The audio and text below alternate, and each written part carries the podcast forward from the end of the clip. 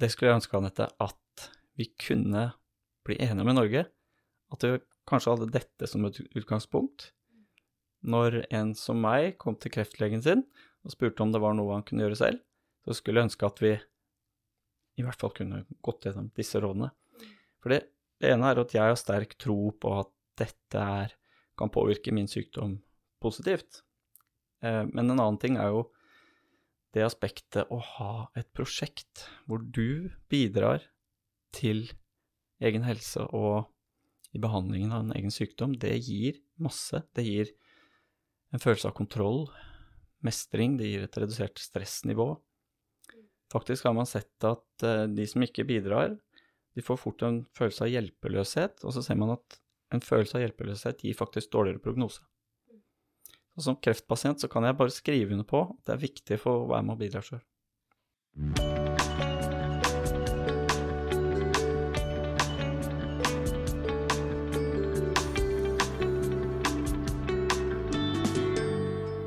Hjertelig velkommen til podkasten Leger om livet. Mitt navn er Anette Dragland, og jeg jobber som lege.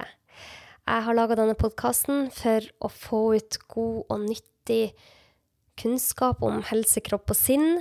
Og i dag så har jeg virkelig eh, funnet en spennende eh, gjest. Lege Øyvind Torp er spesialist i allmennmedisin med sideutdanning i psykiatri og videreutdanning i kognitiv terapi. Jeg gleder meg veldig til å snakke med han, for han har en helt utrolig historie å fortelle. Og ikke minst er han en mann med mye kunnskap, og denne kunnskapen er jeg veldig takknemlig for å dele. Så dette er en litt lang episode, men veldig spennende og nyttig. Så jeg håper du syns dette er like interessant som meg. Da setter vi bare over.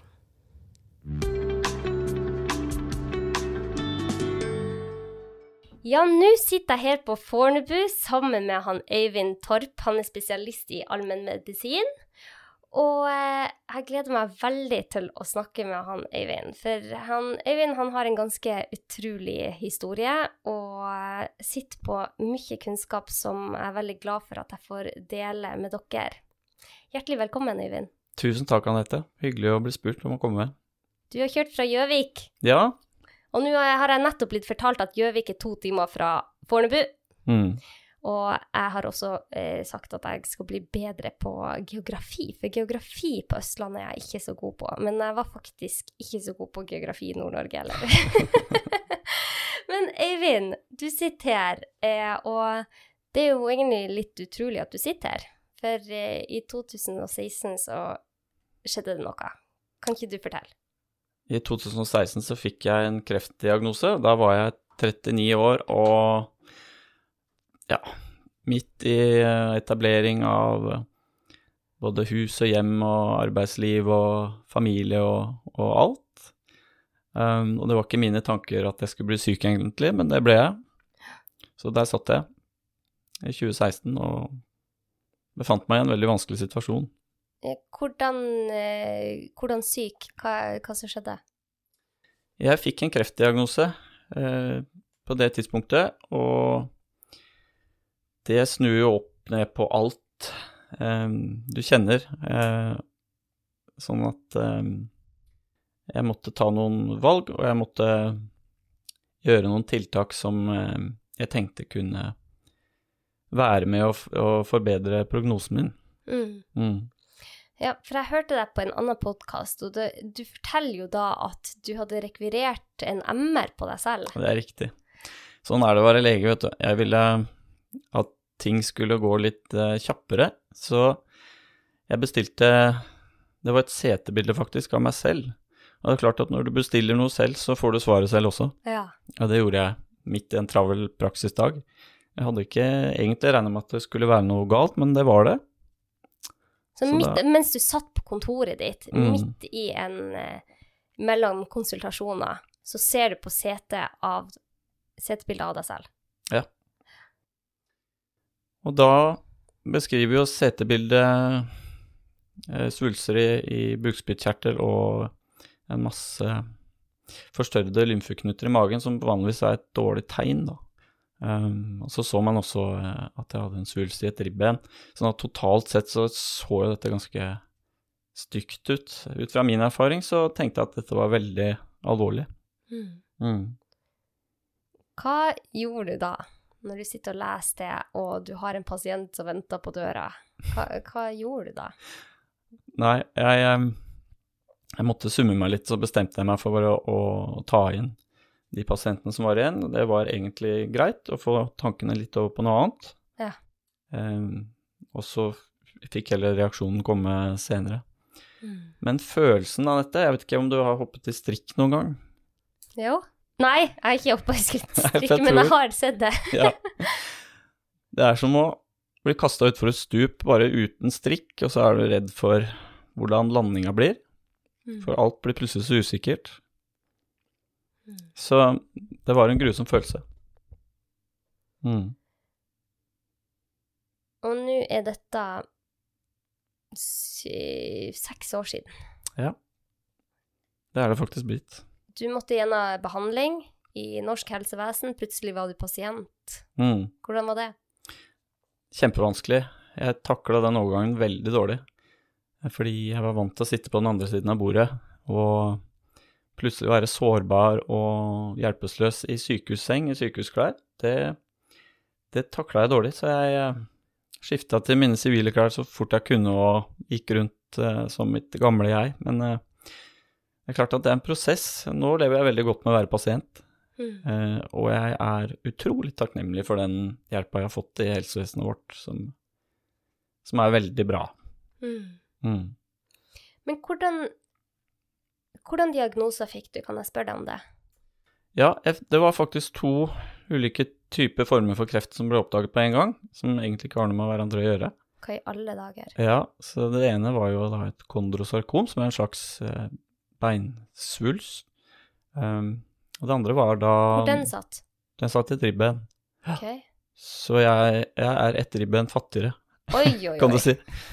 Du og Kim Kardashian. Ellers så satt det noen svulster i, i bukspyttkjertel som var av en sånn hormonproduserende type, nevroendokrin type. Ok. Ja. Det er de, den er litt mer sjelden type. Ja. For det er vel Mm. 90% av de svulstene som er av den Og hva den heter den igjen? Tenk på adenokarsinom. Ja. Ja. Eh, hvordan er prog- prognosene på disse to krefttypene? Vi har eh, ikke snakket så mye om prognoser i mitt tilfelle, men det er klart at hvis du ser på de vanligste formene for bukspyttkjertelkreft, så er jo eh, det en av de farligste kreftformene, kan du si. Mm. Mm. Eh, I mitt tilfelle så er det veldig forskjell fra pasient til pasient. Mm. egentlig. Mm. Men jeg fikk jo klar beskjed om at dette kommer til å utvikle seg. For det er jo det kreftceller gjør, de deler seg. De kommer Mm. til å vokse, og så må vi se hva vi gjør når dette blir så stort at eh, det ikke er trygt lenger. Eh, og til mitt hell så, så stanset dette veksten etter hvert opp og har siden gått tilbake. Uten, uten behandling. Så det Uten behandling i Mm. bukspyttkjertelen din. Men eh, den andre krefttypen du hadde i ribbeina, da, Den ble operert. Så det ser ut til å ha gått bra. så Mm. den er fjerna. Ja. For den er ganske skummel, den typen der? Den kan være skummel. Mm. Ok. Så du har ikke fått behandling for eh, bukspyttkjertelkreften, men du har jo gjort ganske store endringer i eget liv. Det har jeg gjort. Um, det er sånn når man kommer til seg selv etter dette sjokket, så spør man seg om uh, er det noe jeg kan gjøre, stort eller smått, for å bedre situasjonen. Eh, og da, da var jeg nok ikke helt blank på dette, for jeg hadde interessert meg for kosthold i noen år.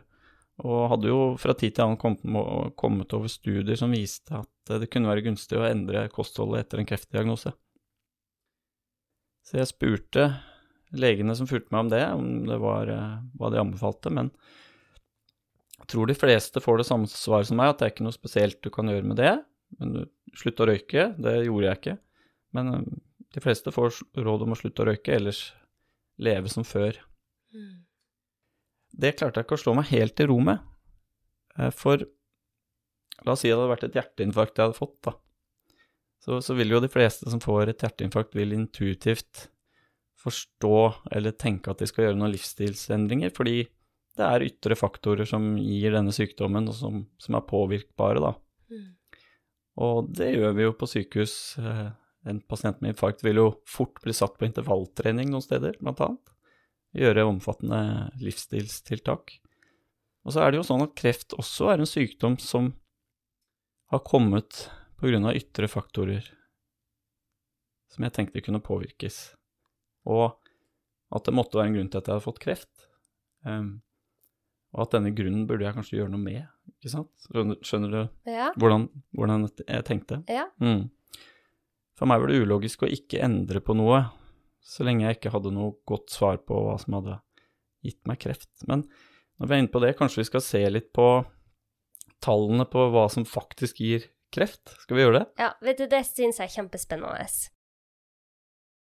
Fortell. Ja.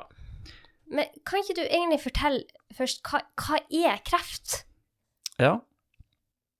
Den tradisjonelle forklaringen er jo at eh, kreft er skade på arvestoffet i cellene som fører til eh, mutasjoner da, som kan gi uhemmet celledeling. Mhm. Enten mutasjoner i gener som bremser cellevekst, eller mutasjoner i, i gener som eh, stimulerer cellevekst, eller begge. Mm. Um, så man tenker at mutasjoner fører til en ukontrollert vekst, og dermed en kreftsykdom. Og så er det klart at kreft er eh, har mange årsaker som spiller sammen. Men det man tenker som de bakenforliggende årsakene til kreft, hvis vi skal se på risikofaktorer, da, Ja. så har amerikanske National Cancer Institute eh, tall som viser at røyking det er på en måte hovedårsaken som er regner, som er den største risikofaktoren, med rundt regnet 35 av risiko, eh, mens livsstil og kosthold rundt 30 Mhm. Yrkeseksponering, det kan jo være så mangt, ikke sant? Det kan Mm. være kjemikalier, det kan være asbest, det kan være andre ting. Eh, regner man 15-20% mens virus og bakterier kan forklare kanskje 10-15% Da snakker vi om f.eks. humant papillomavirus som jenter nå får vaksine mot, ikke sant? Mm. Eller hepatittviruset. Um, eller bakterier, magesårbakterien, Helicobacter pylori Mm. ting som man kan få behandling for. Det vi står igjen med, da, er at gener, sånn rent genetisk, så er det kanskje 5-10% som kan forklares rent genetisk. Og det, det er nok et tall som er en del lavere enn det de fleste har tenkt. Fordi man tenker jo at ok, bestemoren min hadde kreft, da har jeg større risiko for kreft. Men i all hovedsak så er det miljø og, og andre ytre faktorer som gir den største risikoen. Norske tall kan være litt annerledes, dette er amerikanske tall. Mm. Så tradisjonelt i Norge så regner vi nok livsstil som litt, eh, og kosthold eh, som et, på en litt lavere prosent. Men allikevel, det, det er ganske mye. Mm. Det er mm, Det er som du sier, det er sikkert mange som tenker at, at dette var overraskende, fordi at um, man får ofte høre at det er litt uflaks eller flaks om man får kreft eller ikke, og eh, vi er jo veldig opptatt, vi leger, å aldri gi noen følelse av skyld Mm, i en diagnose. mm, Det er jo ikke din skyld at du fikk to forskjellige typer kreft på samme tid, med fire svulster i bukspyttkjertelen. Men når man forteller at livsstil og kosthold f.eks. kan ha en medvirkende årsak, så syns nå jeg i hvert fall at mine pasienter blir får en følelse av at de kan eie det litt mer og har mer kontroll på hva Mm. som kan skje i etterkant av en diagnose. Så man kan dreie det heller til noe positivt. Det gir i hvert fall en mulighet. Ja. Mm. Og så er det ikke sikkert det er riktig for alle å gjøre så mye, fordi det er klart kreft blir jo oppdaget på forskjellige stadier, og noen er veldig syke når det blir oppdaget, og det er ikke sikkert det er riktig da å, å kaste seg rundt og endre på masse i livet. Så Mm. dette tenker jeg det Det handler litt om hvor- du er når du får diagnosen, hva slags diagnose du har, og hvor motivert du er for, for å, å jobbe med disse endringene da, som vi skal snakke om i dag. Mm. Ja, ja, absolutt. Det er jo veldig individuelt, det her. Og så må jeg poengtere at eh, jeg tenker at endringer som, man, som går på dette med livsstil, kommer i tillegg til den vanlige behandlingen vi får på sykehuset, um, og ikke i stedet for. Sånn har jeg tenkt. Mm. At det, jeg følger det, de rådene jeg får på, på sykehuset, og så gjør jeg det jeg kan selv i tillegg, da. Mm. Hvorfor fikk ikke du behandling for bukspyttkjertelkreften? Det var fordi det stoppet opp, og da kan man tillate seg å vente og se. Mm. Klart at å operere bort den kjertelen, det er mulig, Ja. men det er et ganske omfattende inngrep som gir mye plager i ettertid. Mm. Mm. Så man vil helst unngå det hvis man kan. Mm. Hvor lang tid fra du fikk Fra man så på bildene eh, til du så at utviklinga stoppa? Var det ganske kjapt? Det var ganske kjapt. Mm. Gjorde du endringer i, eget, eh, i egen livsstil veldig kjapt? Ja, det gjorde jeg. Mm. Ganske umiddelbart. Og nå når man ser på bildene, så har de forandringene begynt å gå tilbake? Ja, det er det man tror i hvert fall. Ja, så det Sist var det knapt mulig å se noe. Det er klart at eh, dette kan forandre seg. Mm. Jeg har fram til nå vært veldig forsiktig med å bruke min egen historie, Mm. og grunnen til det er at jeg er bare én. Mm. Den beviser ingenting. Mm. Men det at jeg fikk denne diagnosen, satt meg i en posisjon hvor jeg var nødt til å gå inn i forskningen. Og det kan jeg bruke min egen historie til, fordi det åpnet opp for meg en, eh, en verden av kunnskap som jeg ikke kjente til.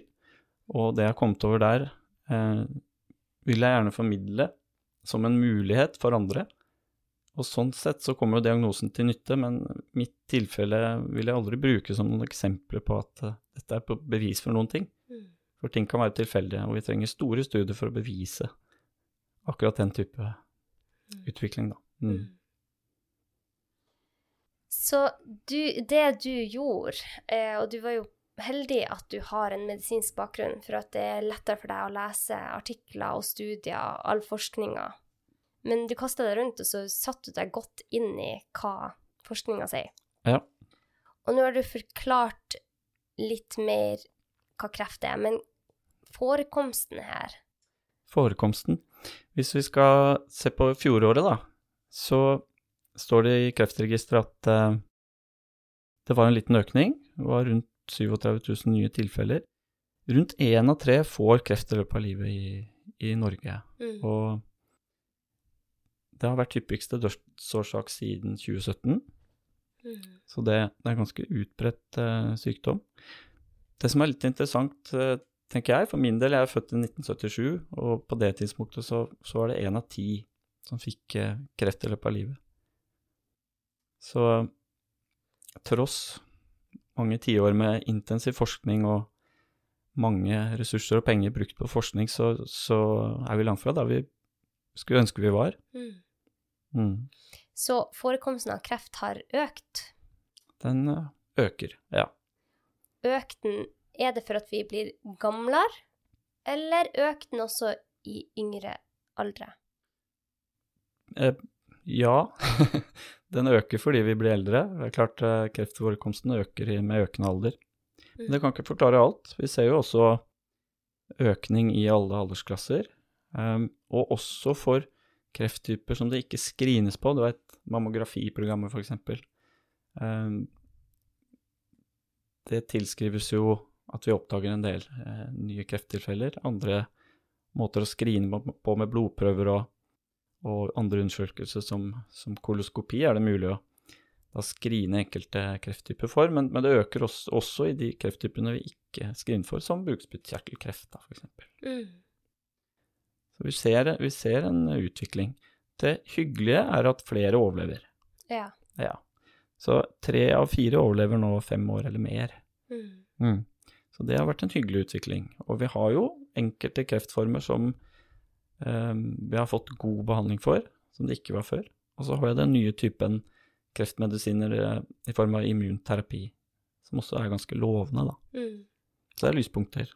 Det er absolutt lyspunkter, og teknologien fører oss jo eh, i Har jo en god retning akkurat nå, men jeg syns det er foruroligende at kreft øker. For det er ikke bare kreft i befolkninga som øker, det er jo veldig mange andre sykdommer Mm. som øker i befolkninga. Autoimmune lidelser, allergier, eksemer. Det er, det er økning av sykdommer hos barn. Mm.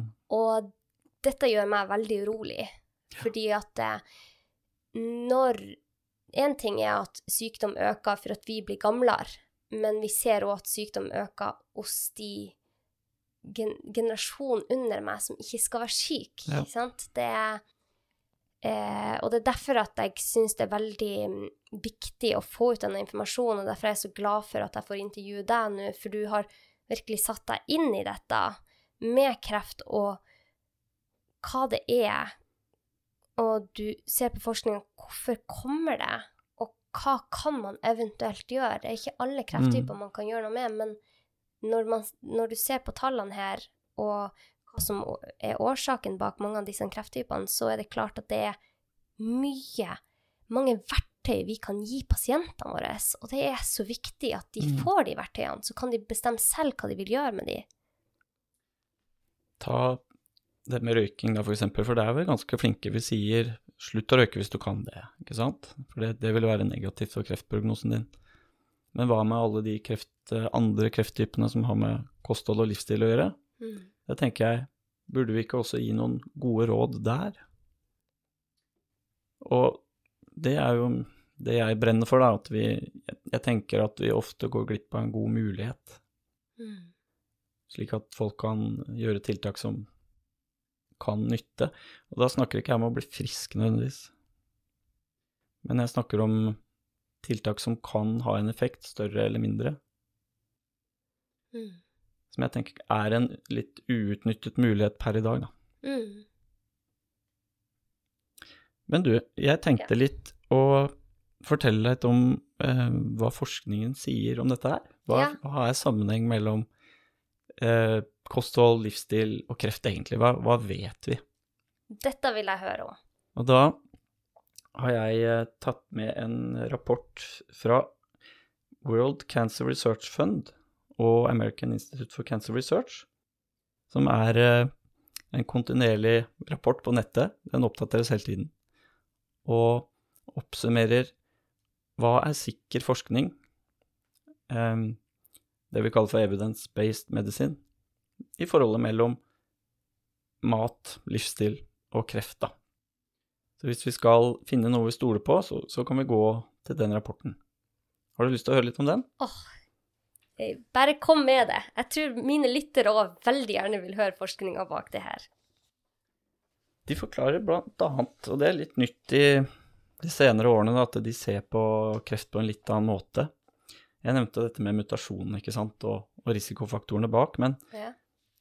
eh, nå skal jeg vise deg et ark som, hvor de så elegant har forklart dette samspillet som skal til for at en kreftcelle utvikles. Og der, der ser vi det at det er et samspill både mellom ting eh, hos oss mennesker, men også i miljøet rundt oss, og hva vi har i oss av ernæring. Og der kan du se Så nå viser han Øyvind meg et ark der det viser sant, en normal celle, så noe som heter forstadiet til kreft, og så en kreftcelle med spredning. Og så er det en pil opp på dette forstadiet, hvor man ser at det er tre ulike faktorer som spiller inn for en utvikling av kreft. mm, Og hva er de tre faktorene? For det første, den ene boksen da, med faktorer, den handler om verten eller mennesket. Og det er jo alder og kjønn, det er genetikken din, det er mikrobioma, altså tarmfloraen, bakteriene i tarmen. Ja. Det er det som kalles metabolsk helse. Hvordan skal vi oversette det, Anette? Det blir jo ja. hvordan eh, Ja, hvor sensitiv du er for insulin, og dette med overvekt og fedme osv. Blodtrykk og Blodtrykk, ja. Det er jo ja, blodsukker. helsa, den generelle helsa litt, Ja. eh, ja. Mm. Og så er det det, hvilken grad av betennelse har du i kroppen din? Mm, For det er veldig viktig her. mm, Hvordan fungerer immunforsvaret ditt? mm. Dette er faktorer som på en måte ligger i verten eller hos, hos mennesket, Mm. som kan være med på negativt eller positivt påvirke den risikoen du har for kreft.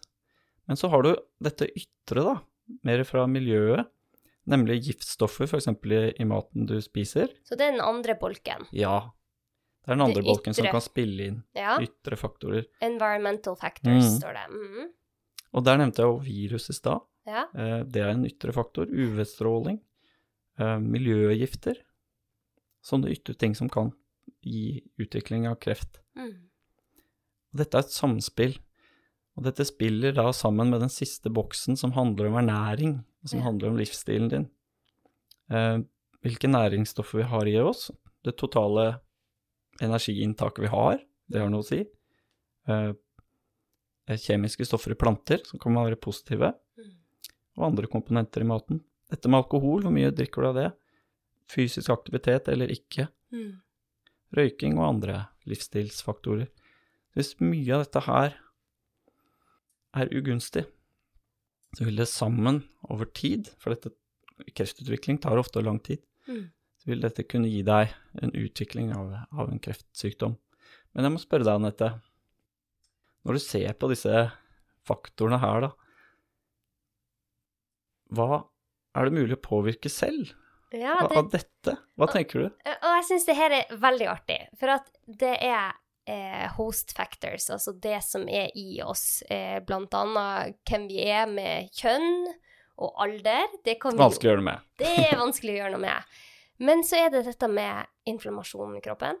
Ja, Det kan man betennelse. Mm. Betennelse. Det er noe man eh, viser mer og mer nå at man kan påvirke. Ja. Og så er det dette med metabolsk sykdom, om din metabolske st eh, status. ja. Blodsukker, blodtrykk.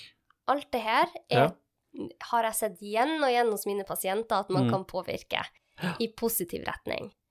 Og så er det den her andre bolken som er ytre påvirkninger, altså miljøet rundt. Og he, dette kan man jo også påvirke, men det er jo mer og mer miljøgifter i, Mm. i der vi bor, i lufta, i havet, i maten vi spiser. Men her er også mye man kan gjøre selv. Jeg har en egen episode om akkurat dette. Ja, akkurat. For det er en god del vi kan gjøre for å minske den påvirkninga av miljøgifter som vi blir Mm. eksponert for i det daglige. Ja. Og det er ganske mye man kan eh, gjøre der. Og så er den siste bolken med eh, kosthold og livsstil. Og mm. det er jo min favorittbolk. Det snakker Ja. jo vi masse om, og der er det jo i høyeste grad eh, mye vi kan gjøre. Ja. Så den her eh, skissen her som du viser meg, Eivind, gir jo mye håp. ja, for det er mye du kan påvirke selv. Mm. Og det sier også ekspertpanelet bak den rapporten. Der sitter det annet en norsk eh, professor, og de sier at mesteparten av forskningen vår vis, eh, er jo knyttet til risiko for utviklingen av kreft, men det er jo åpenbart at dette er viktig også for den som har fått kreft. Mm. Derfor så anbefaler vi alle som har fått kreft å, å følge våre råd, og de rådene skal vi ta etterpå. Ja. Men, men som du De skal vi gå inngående i. Mm, så det, det du peker på nå, er at det du ser i forhold til samspillet, så er det mye du kan påvirke positivt til. Mm. Ja. Jeg skal ta et bilde av dette og legge ut på eh, sosiale medier òg, sånn at eh, folk kan få se det. Visste du at man har funnet ut hvordan kreften virker? At, at alle kreftceller har ti egenskaper som er felles? Nei, eller jo, nå skal jeg være helt ærlig, så har jo jeg søkt deg skikkelig godt opp før du kom hit, David. Ja. Så jeg har, jeg har lest de, men jeg visste det ikke før det. Nei. Ja. For når jeg var tidlig, tidlig etter jeg fikk diagnosen, så kom jeg over den artikkelen som heter 'Ti kjennetegn ved kreft', som er en berømt artikkel av eh, Hannan og, og Weinberg, to kjente kreftforskere. Ja. Er de amerikanere, eller? Det er jeg ikke sikker på. Nei. Det er i hvert fall mye sitert, Ja. og den artikkelen er spennende, for den viser sånne universale egenskaper ved kreft. Da. Og, og det var flott, fordi mange har eh, utnyttet det, og så har de kommet med forslag på hvordan kan vi angripe hver enkelt egenskap her, for å blokkere kreften best mulig. Mm. Nå har vi ikke funnet noen mirakelkur for kreft, men du husker jo hiv og aids-epidemien, eh, som etter hvert vi fikk kontroll på. Mm. Vi fant ikke noe magisk vidundermedisin der heller, Men man fant ut at man kunne, ved å kombinere mange forskjellige medisiner, så kunne man holde i sjakk. Og det tenker man litt med disse egenskapene. Jo flere fronter du kan angripe kreft fra samtidig, jo større sjanse er det for å, å lykkes. Så noen har kommet med forslag på hvordan angripe disse egenskapene. Og da tenkte jeg, kan jeg gå inn her og påvirke disse egenskapene med mer naturlige metoder, da? For jeg har jo ikke tilgang på disse medisinene. Mm. Så det ligger noe kraft i det å kunne kombinere, og det er det klinikker, kreftklinikker som gjør nå, blant annet Care Oncology Clinic i London. De kombinerer vanlig behandling, f.eks. lavdose cellegift, med kost-livsstilstiltak, enkelte medikamenter som de vanligvis er brukt mot andre sykdommer, og kosttilskudd bl.a. blant annet. For de prøver å lage en behandling som angriper for flest mulig sider samtidig. Og det har de god erfaring med. Ja, dette er bare så utrolig spennende, herre min. Her viser jeg deg et bilde av disse egenskapene. Det er også elegant tegnet opp i en sirkel, hvor vi ser at kreftcellene de har eh, evne til å være udødelige. De unngår disse signalene fra kroppen om å ta selvmord, som vi kaller for apoptose på fagspråket. Ja. De eh, kan dele seg for evig. Vi har mm. kreftceller fra 50-tallet som fortsatt uh, deler seg i laboratorier. Mm. De lager sin egen blodforsyning, raner til seg blodårer. Mm. Uh, jeg skal ikke gå gjennom alle disse punkt for punkt nå, men jeg har lyst til å, å ta for meg ett punkt som er litt spennende, hvis jeg får lov. Ja, veldig gjerne. Og nerde litt akkurat på ja. det ene punktet. Vet du hva mine lyttere elsker nerding? for det, det er det som kalles for at de endrer omsetningen av næringsstoffer i cellen, eller det som heter Warburg-effekten. Det var en eh, mann som het Otto Warburg, som vant nobelprisen i medisin på begynnelsen av 1900-tallet. Han oppdaget at kreft omdanner næring helt annerledes enn friske celler, da. For hvis du husker fra studiet, så vil jo en frisk celle ta et sukkermolekyl, en glukose, og så går det inn i kraftverket vårt inni cellen, altså mitokondriet. Ja. Ja, der blir det brent, eller blir utnyttet sånn at vi får sånne små energimolekyler som vi kaller for ATP. Sånn at ett lite sukkermolekyl blir til 36 ja. sånne energipenger, om du vil. Ganske effektivt uh, system. Men det Warburg oppdaget, var at kreftcellene gjør ikke det. For de har stort sett ikke kraftverkene i orden. Disse mitokondriene funker ikke, da. Så kreftcellene må gjøre det på en helt annen måte. De må gjære sukkeret. Og det virker i første omgang ikke så effektivt, fordi hvis de tar et uh, sukkermolekyl da, så blir det ikke så mange ATP av det. Nei. Sånn at måten uh, kreftcellen gjør det på, er at de tar inn mange flere sukkermolekyler, da. Ja, mm. nettopp. Uh, men når du ser nærmere på det, så er det ikke sikkert at det er en så stor ulempe allikevel. Fordi når kreftcellen tar inn så mye mer sukker, så får den også mye mer byggestener til å bygge nye, nemlig karbon. Og det bruker kreftcellen for alt den er verdt, for å bygge nye. Eh, og det er akkurat dette man ser da i den eh, bildeteknikken som kalles for PET-CT, som som er et CT-bilde som man bruker for å finne spredning av kreftceller i kroppen. Da får pasienten en sprøyte med radioaktivt sukker, og så ser man at de cellene som bruker mest sukker, eller glukose, da, de lyser opp på dette CT-bildet. Mm, som tar inn mest sukker. Ja, og det er jo kreftcellene. Mm. De tar inn i hvert fall ti ganger så mye som en frisk celle, mm. fordi de må bruke denne gjæringa, som er en på en måte en mindre effektiv prosess, men det går på å kompensere på å ta inn flere, da. Mm.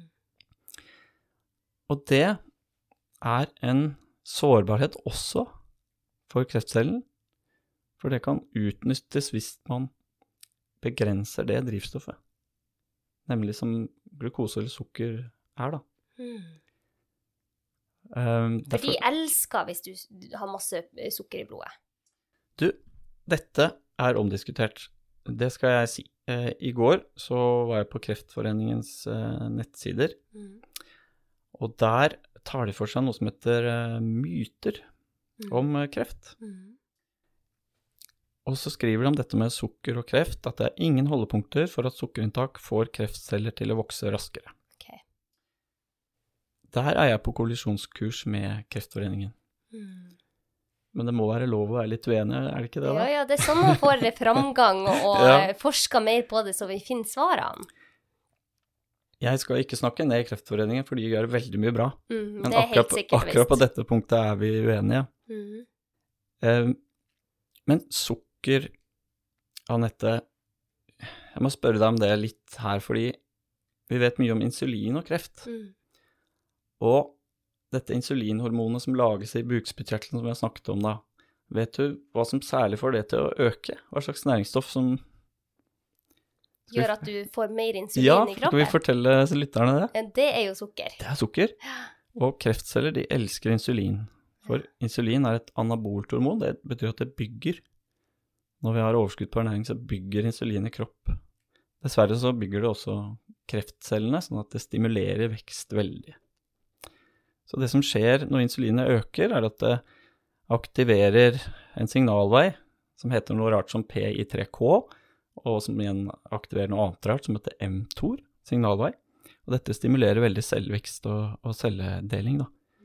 Og et eksempel på det er et sjeldent syndrom som kalles Cowden syndrom. Som er, de har kjempehøyt insulinnivå. Og vet du hva livsstils eh, I løpet av hele livet, hvis du har Cowden syndrom, hvor stor sjanse du har for å få kreft? Ja, det er veldig høyt. 8-9 Ja. Kjempehøyt insulin, hele tiden stimuli for vekst. Mm. Så der jeg og Kreftforeningen her er uenige, er at hvis de mener det ikke er holdepunktet for at uh, høye doser sukker kan stimulere kreftvekst, så må de forklare hvorfor dette ikke skulle påvirke denne signalveien jeg nevnte med det rare navnet. Mm. Og så skal det sies, for noen år siden så ville det vært eh, veldig lite politisk korrekt å snakke om sammenhengen mellom insulin og kreftutvikling. Mm. Men dette er noe av det hotteste i kreftforskningen akkurat nå. Ja. Og eh, en forsker som heter Louis Cantley, som, jobber, som er sjef for forskningsprosjekt på Will Cornell, han har forsket på dette i to tiår snart, eh, på medisiner som kan plukke sukker inn i cellen. Han ønsker å blokkere at det kommer sukker inn i kreftcellene, og på Mm. den måten behandle kreft på den måten. Og Louis Cantley, han sier 'sugar scares me'. Mm. Han sier også at eh, det er galskap at vi har pasienter på sykehus som får cellegift og samtidig får sukkertrykket. Mm. Det får være hans ord, men jeg syns at vi skal ta på alvor den forskningen som ligger til bunn for at kreftcellene er så forskjellige fra våre friske celler, da, Mm. og at dette er en sårbarhet, sårbarhet som kan utnyttes. Motargumentet av dette det er jo ofte at vi kan ikke sulte ut en kreftcelle ved å ikke spise sukker, og det er helt riktig. Mm. Men så er jo spørsmålet Gir det mening å gi ja, fôre, fôre opp med masse drivstoff og, og da gi stimuli for vekst, når du har noe i kroppen som du ikke vil skal vokse, da? Mm. Men er det noe forskning som viser at hvis man reduserer inntaket av sukker, eller kutter helt sukker, at de har større sjanse for en vellykka behandling? Finnes det noe forskning per nå? Kreftforeningen skriver at det ikke er holdepunkter for at ø, kreften vokser med, med mer sukker, men det fins forskning på det, annet Thomas Seafried ved Boston. Ja. Eh, han har skrevet en bok som heter 'Cancer as a Metabolic Disease'. Mm. Og han har gjort forskning også på mennesker som viser akkurat dette, da. En vekst i kreftcellene med økende glukosenivå. Mm. Så Og de har jo gjort det i mye dyrestudier. det har de også. ja. Mm. Mm. Det er mye, mye av det som er dyrestudier. Men jeg tenkte, når vi er inne på det med forskning, at jeg skulle vise deg noe mer. Ja. Da må jeg ta fram iPaden min. Og så får vi prøve å beskrive for lytterne så godt vi kan. For her er det i rapporten vi har foran oss, da, så har de samlet all, alle bevisene på en sånn Matrix, kaller de det. Som er en oversikt over eh, hvor stor sammenheng det er med forskjellige faktorer og utvikling av kreft eller beskyttelse. Hvis fargen er grønn i den boksen vi skal til, så betyr det at det er stor enighet om at, at um, disse faktorene beskytter mot kreft. Og jo lysere grønnfarge, Ja. jo mindre sikker, sikkert bevis er det. Og motsatt, det er, jo rødere det blir, jo sterkere sammenheng er det mellom at den faktoren gir risiko for kreft. Da. Vi kan jo se på brystkreft hos kvinner, f.eks. Ja. Der er det ganske god eh, sammenheng mellom at inntak av grønnsaker uten mye stivelse er gunstig. Eh, Og, og hva mener du da med gunstig? Altså, vil det det gir mindre risiko for utvikling av, av kreft. Da. Ok, så dette er forebygging? Dette Forebygging. er ikke under behandling? Skjønner. Mm. Men som denne komiteen sier, da, disse eh, altså evidensen, bevisene, er sterkest for forebygging. Yeah. Men det er åpenbart at dette også er viktig hos de som allerede har fått kreft. Så Mm. ta med oss den, men bevisene er best for forebygging. Ja. Absolutt. Mm. Men vi ser jo da På en måte, vi har mye, mye data da, Mm. på hva som kan være negativt, og hva som kan være positivt. Og noe, av det som er mest eh, negativt, det er annet mye alkohol, Mm. overvekt og faktisk høyde. Hva tenker du er fellesnevneren mellom overvekt og, og høyde? Ja, det syns jeg var spesielt. Ja. Altså, høyde Mm. er en risikofaktor for Ja. kreft. Høyde i seg selv.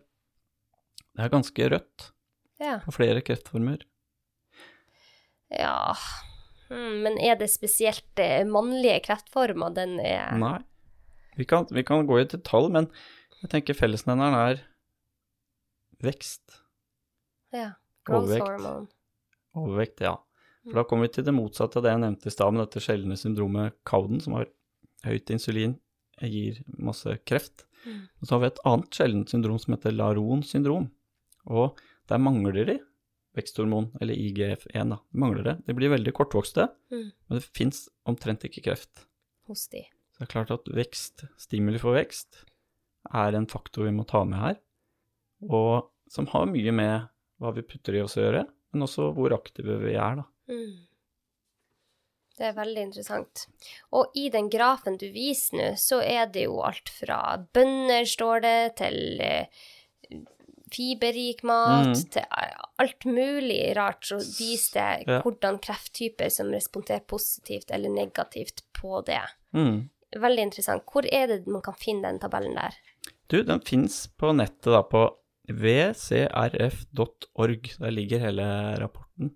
Worldcancerresearch.org. Fund.org, ja. Ja. Mm. Det jeg syntes var spennende, at jeg ville gjerne dykke ned i Og jeg så jo sammenhengen her, men så tenkte jeg, hvordan funker det egentlig? Hva er det de mener om det? Hvordan Hvorfor, da?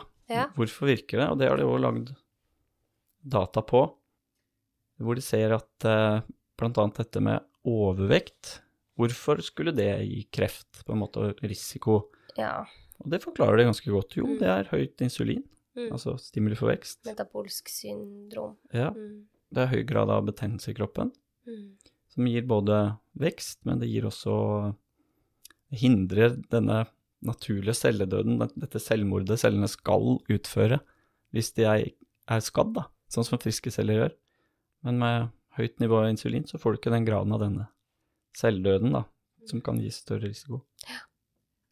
Så de forklarer dette med hvorfor virker overvekt, og hvorfor virker økt eh, inntak av alkohol, og hvorfor virker fysisk aktivitet motsatt, at det beskytter?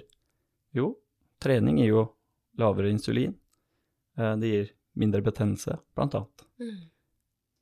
Og nå skal vi gå inn på de rådene de gir, sånn litt mer konkret. Ja. Men det jeg har tenkt da, når jeg ser hvordan dette fungerer, for eksempel dette med at høyt insulinhormon, som vi får av sukker og mye karbohydrater, vi vet at det er negativt, og da har jeg spurt meg selv, burde jeg ikke ta konsekvensen av det å gjøre alt jeg kan for å holde dette så lavt som mulig? Mm. Eller har det spørsmålet henge i lufta. Mm. For de har jo gitt noen råd, da, Mm. som jeg syns er veldig bra. Hvem er de? det er eh, de som står bak denne rapporten. Ja. World Cancer Research Fund og American Institute for Cancer Research. Og jeg så i eh, boka til Rune Blomhoff, som er professor eh, på Oslo universitetssykehus, han har forsket på kreft i mange år, skrevet en bok som heter Mat mot kreft. Og han skrev at eh, det er et mål i Norge om å gi god veiledning i kosthold for de som har blitt syke av kreft. Jeg har ikke sett på en måte det, de retningslinjene noen andre steder, men jeg tenker at det, det burde vi. Og kanskje vi kan ta utgangspunkt i noen av disse rådene fra rapporten vår her, da. Ja, spennende. Tenkte vi kunne kikke litt på de rådene som eh, de gir til for, både for å forebygge kreft, men også til de som har fått sykdommen. Årsakssammenhengene her. Du nevnte dette med trening, kan gi lavere insulin. Eh, altså, kan du gå kjapt igjennom den der rapporten, for jeg syns dette er kjempeviktig. Eh, Mm. Særlig for de som har uh, fått diagnosen, eller som ønsker å forebygge. Som har mye kreft i familien, eller som kjenner noen som har kreft, som kanskje har lyst til å videreformidle. Mm. Kan vi gå kjapt igjennom dette? Og for dere som ikke er så interessert, er det bare spol over.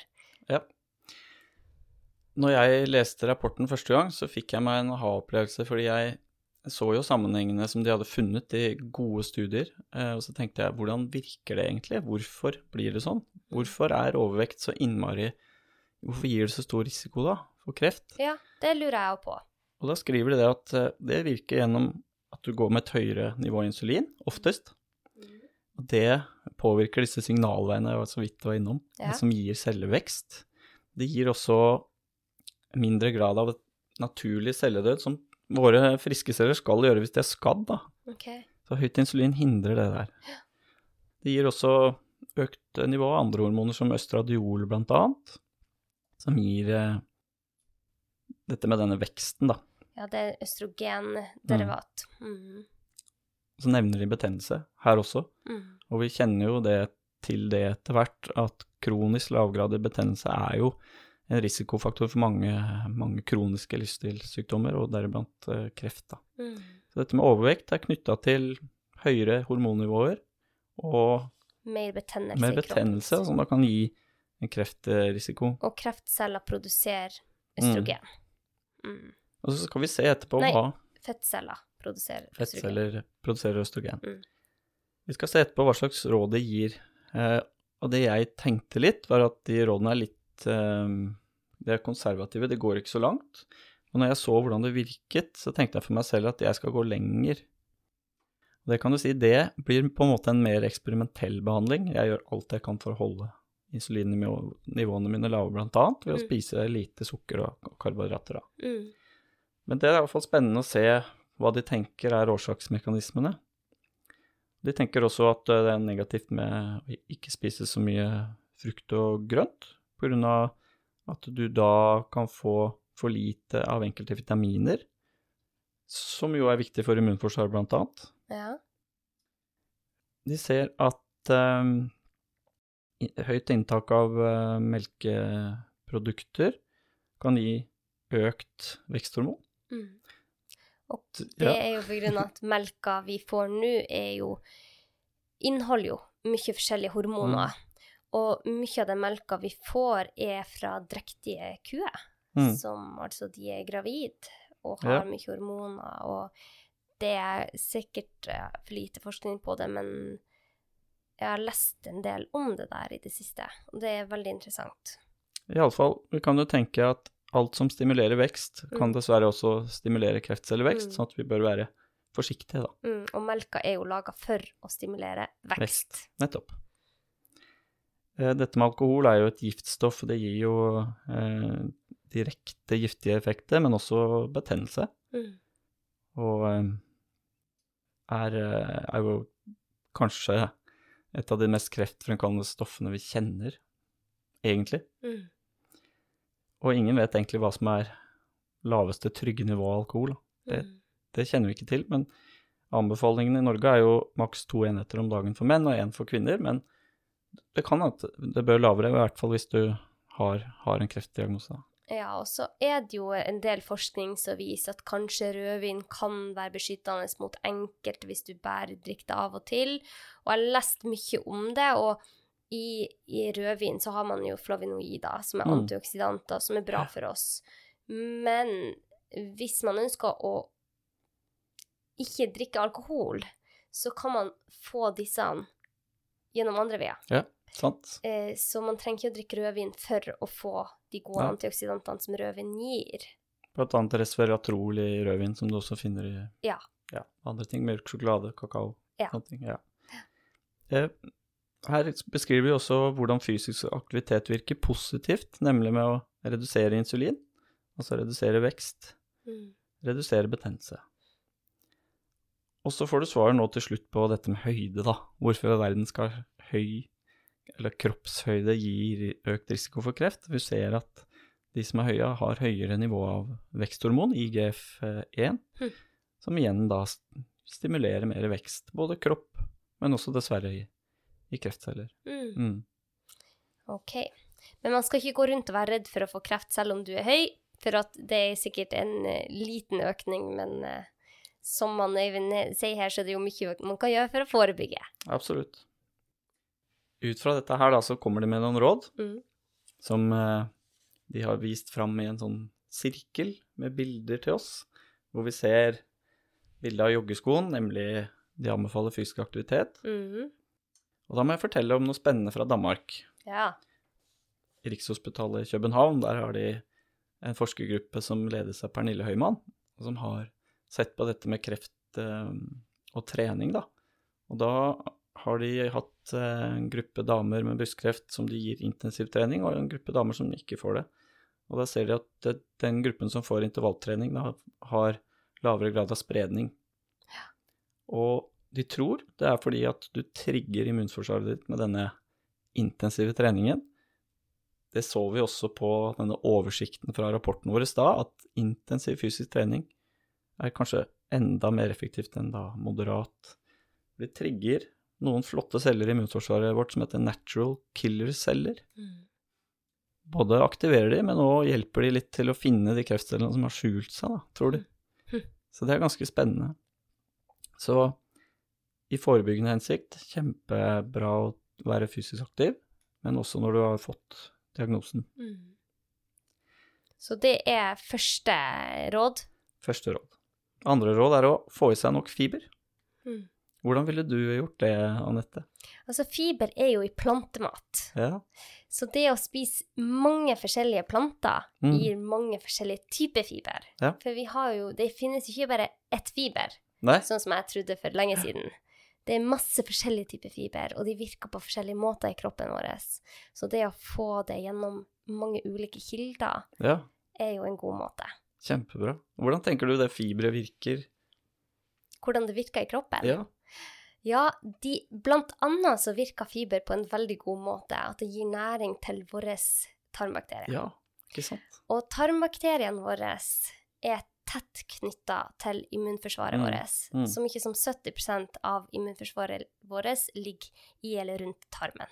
Kjempeviktig. Og det å gi støtte og næring til disse tarmbakteriene våre viser seg jo bare bli viktigere og viktigere. Og ja, jeg syns dette er et kjempespennende felt. Jeg tenker, hvis du først har fått kreft, da vil du gjerne ha et godt immunforsvar. Mm. Ja, så fiber er viktig. Mm. Og så gir de det rådet om at du skal eh, redusere veldig inntaket av eh, fastfood og ultraprodusert eh, mat, som da er lavt på fiber igjen, da. Ikke sant? Mm. Og mye, mye sukker i det. Mye sukker, og så er det også mye Ofte så er det mye andre kjemikalier og stoffer som Mm. ikke kroppen er vant til. Og jeg bare ser for meg, sånn som jeg ser for meg det, er at okay, vi har utvikla oss gjennom årtusener med disse tarmbakteriene våre, Mm. og gitt de noenlunde lik mat. Noen steder fikk de mer kjøtt, noen steder fikk de kun plantemat, men det var mat fra naturen. Og så plutselig, de siste 40 årene, så driver vi og gir de ting som ikke er mat, Ja. men som er i maten for å gjøre den fetere eller eh, tykkere i konsistensen, bedre på smak, eh, Mm. finere farge.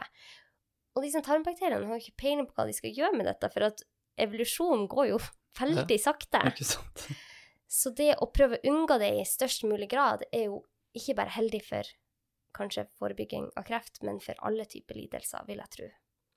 Hva tenker du om betennelse og, og sånn fastfood-kosthold, da? det er jo sett eh, Studier viser jo at man får, kan få økt betennelse i kroppen av å spise Mm. mye ultraprosessert mat. Blant annet så, så er det ofte en ubalanse mellom omega-6-fettsyrer som er betennelsesdrivende, og, Mm. og da lite omega-3 som er betennelsesdempende i den type mat. Da. Ja, og det der temaet er jo veldig Det er jo mye kontrovers rundt det. Det er mye uenighet rundt dette med omega-3 og omega-6. Hva Mm. er ditt standpunkt her? Nei, men hvis vi skal se på hva helsemyndighetene anbefaler, så er det jo å ha et 1-til-1 eller 2-til-1-forhold, Mm. um, helst. Er det oppnåelig? Jeg tror det er oppnåelig, men det er, det er ikke vanlig. Mm. For mange nordmenn går rundt med et nivå hvor du har 20 omega-6 til 1 omega-3, Mm. som, som kan være ganske betennelsesdrivende. Mm. Mm.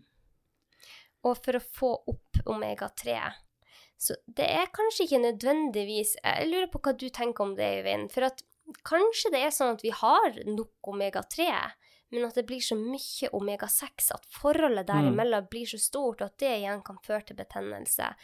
For at det er jo veldig mye omega-6 i mye av den maten vi spiser i eh, fettkilder fra sant, alle disse solsikkeolje Alle disse oljene som vi spiser nå. Der er det mye omega-6. Jeg prøver i hvert fall å begrense det mest mulig. Ja. Mm. Og det tenker jeg at inntil vi vet mer, så det å ha et Å følge Helsedirektoratet sine råd her er Det er viktig, men det er òg litt vanskelig. For Ja. det er så mye omega-6 i så mye. Og da kommer vi faktisk til neste råd her også, Mm. eh, for det er å begrense inntaket av, av bearbeida kjøtt og rødt kjøtt. Mm.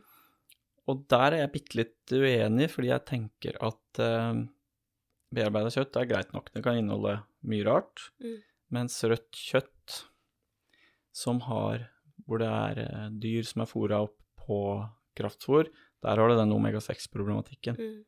Jeg tror, det får stå for min regning, da, men jeg tror at hvis du spiser kjøtt fra vilt, f.eks.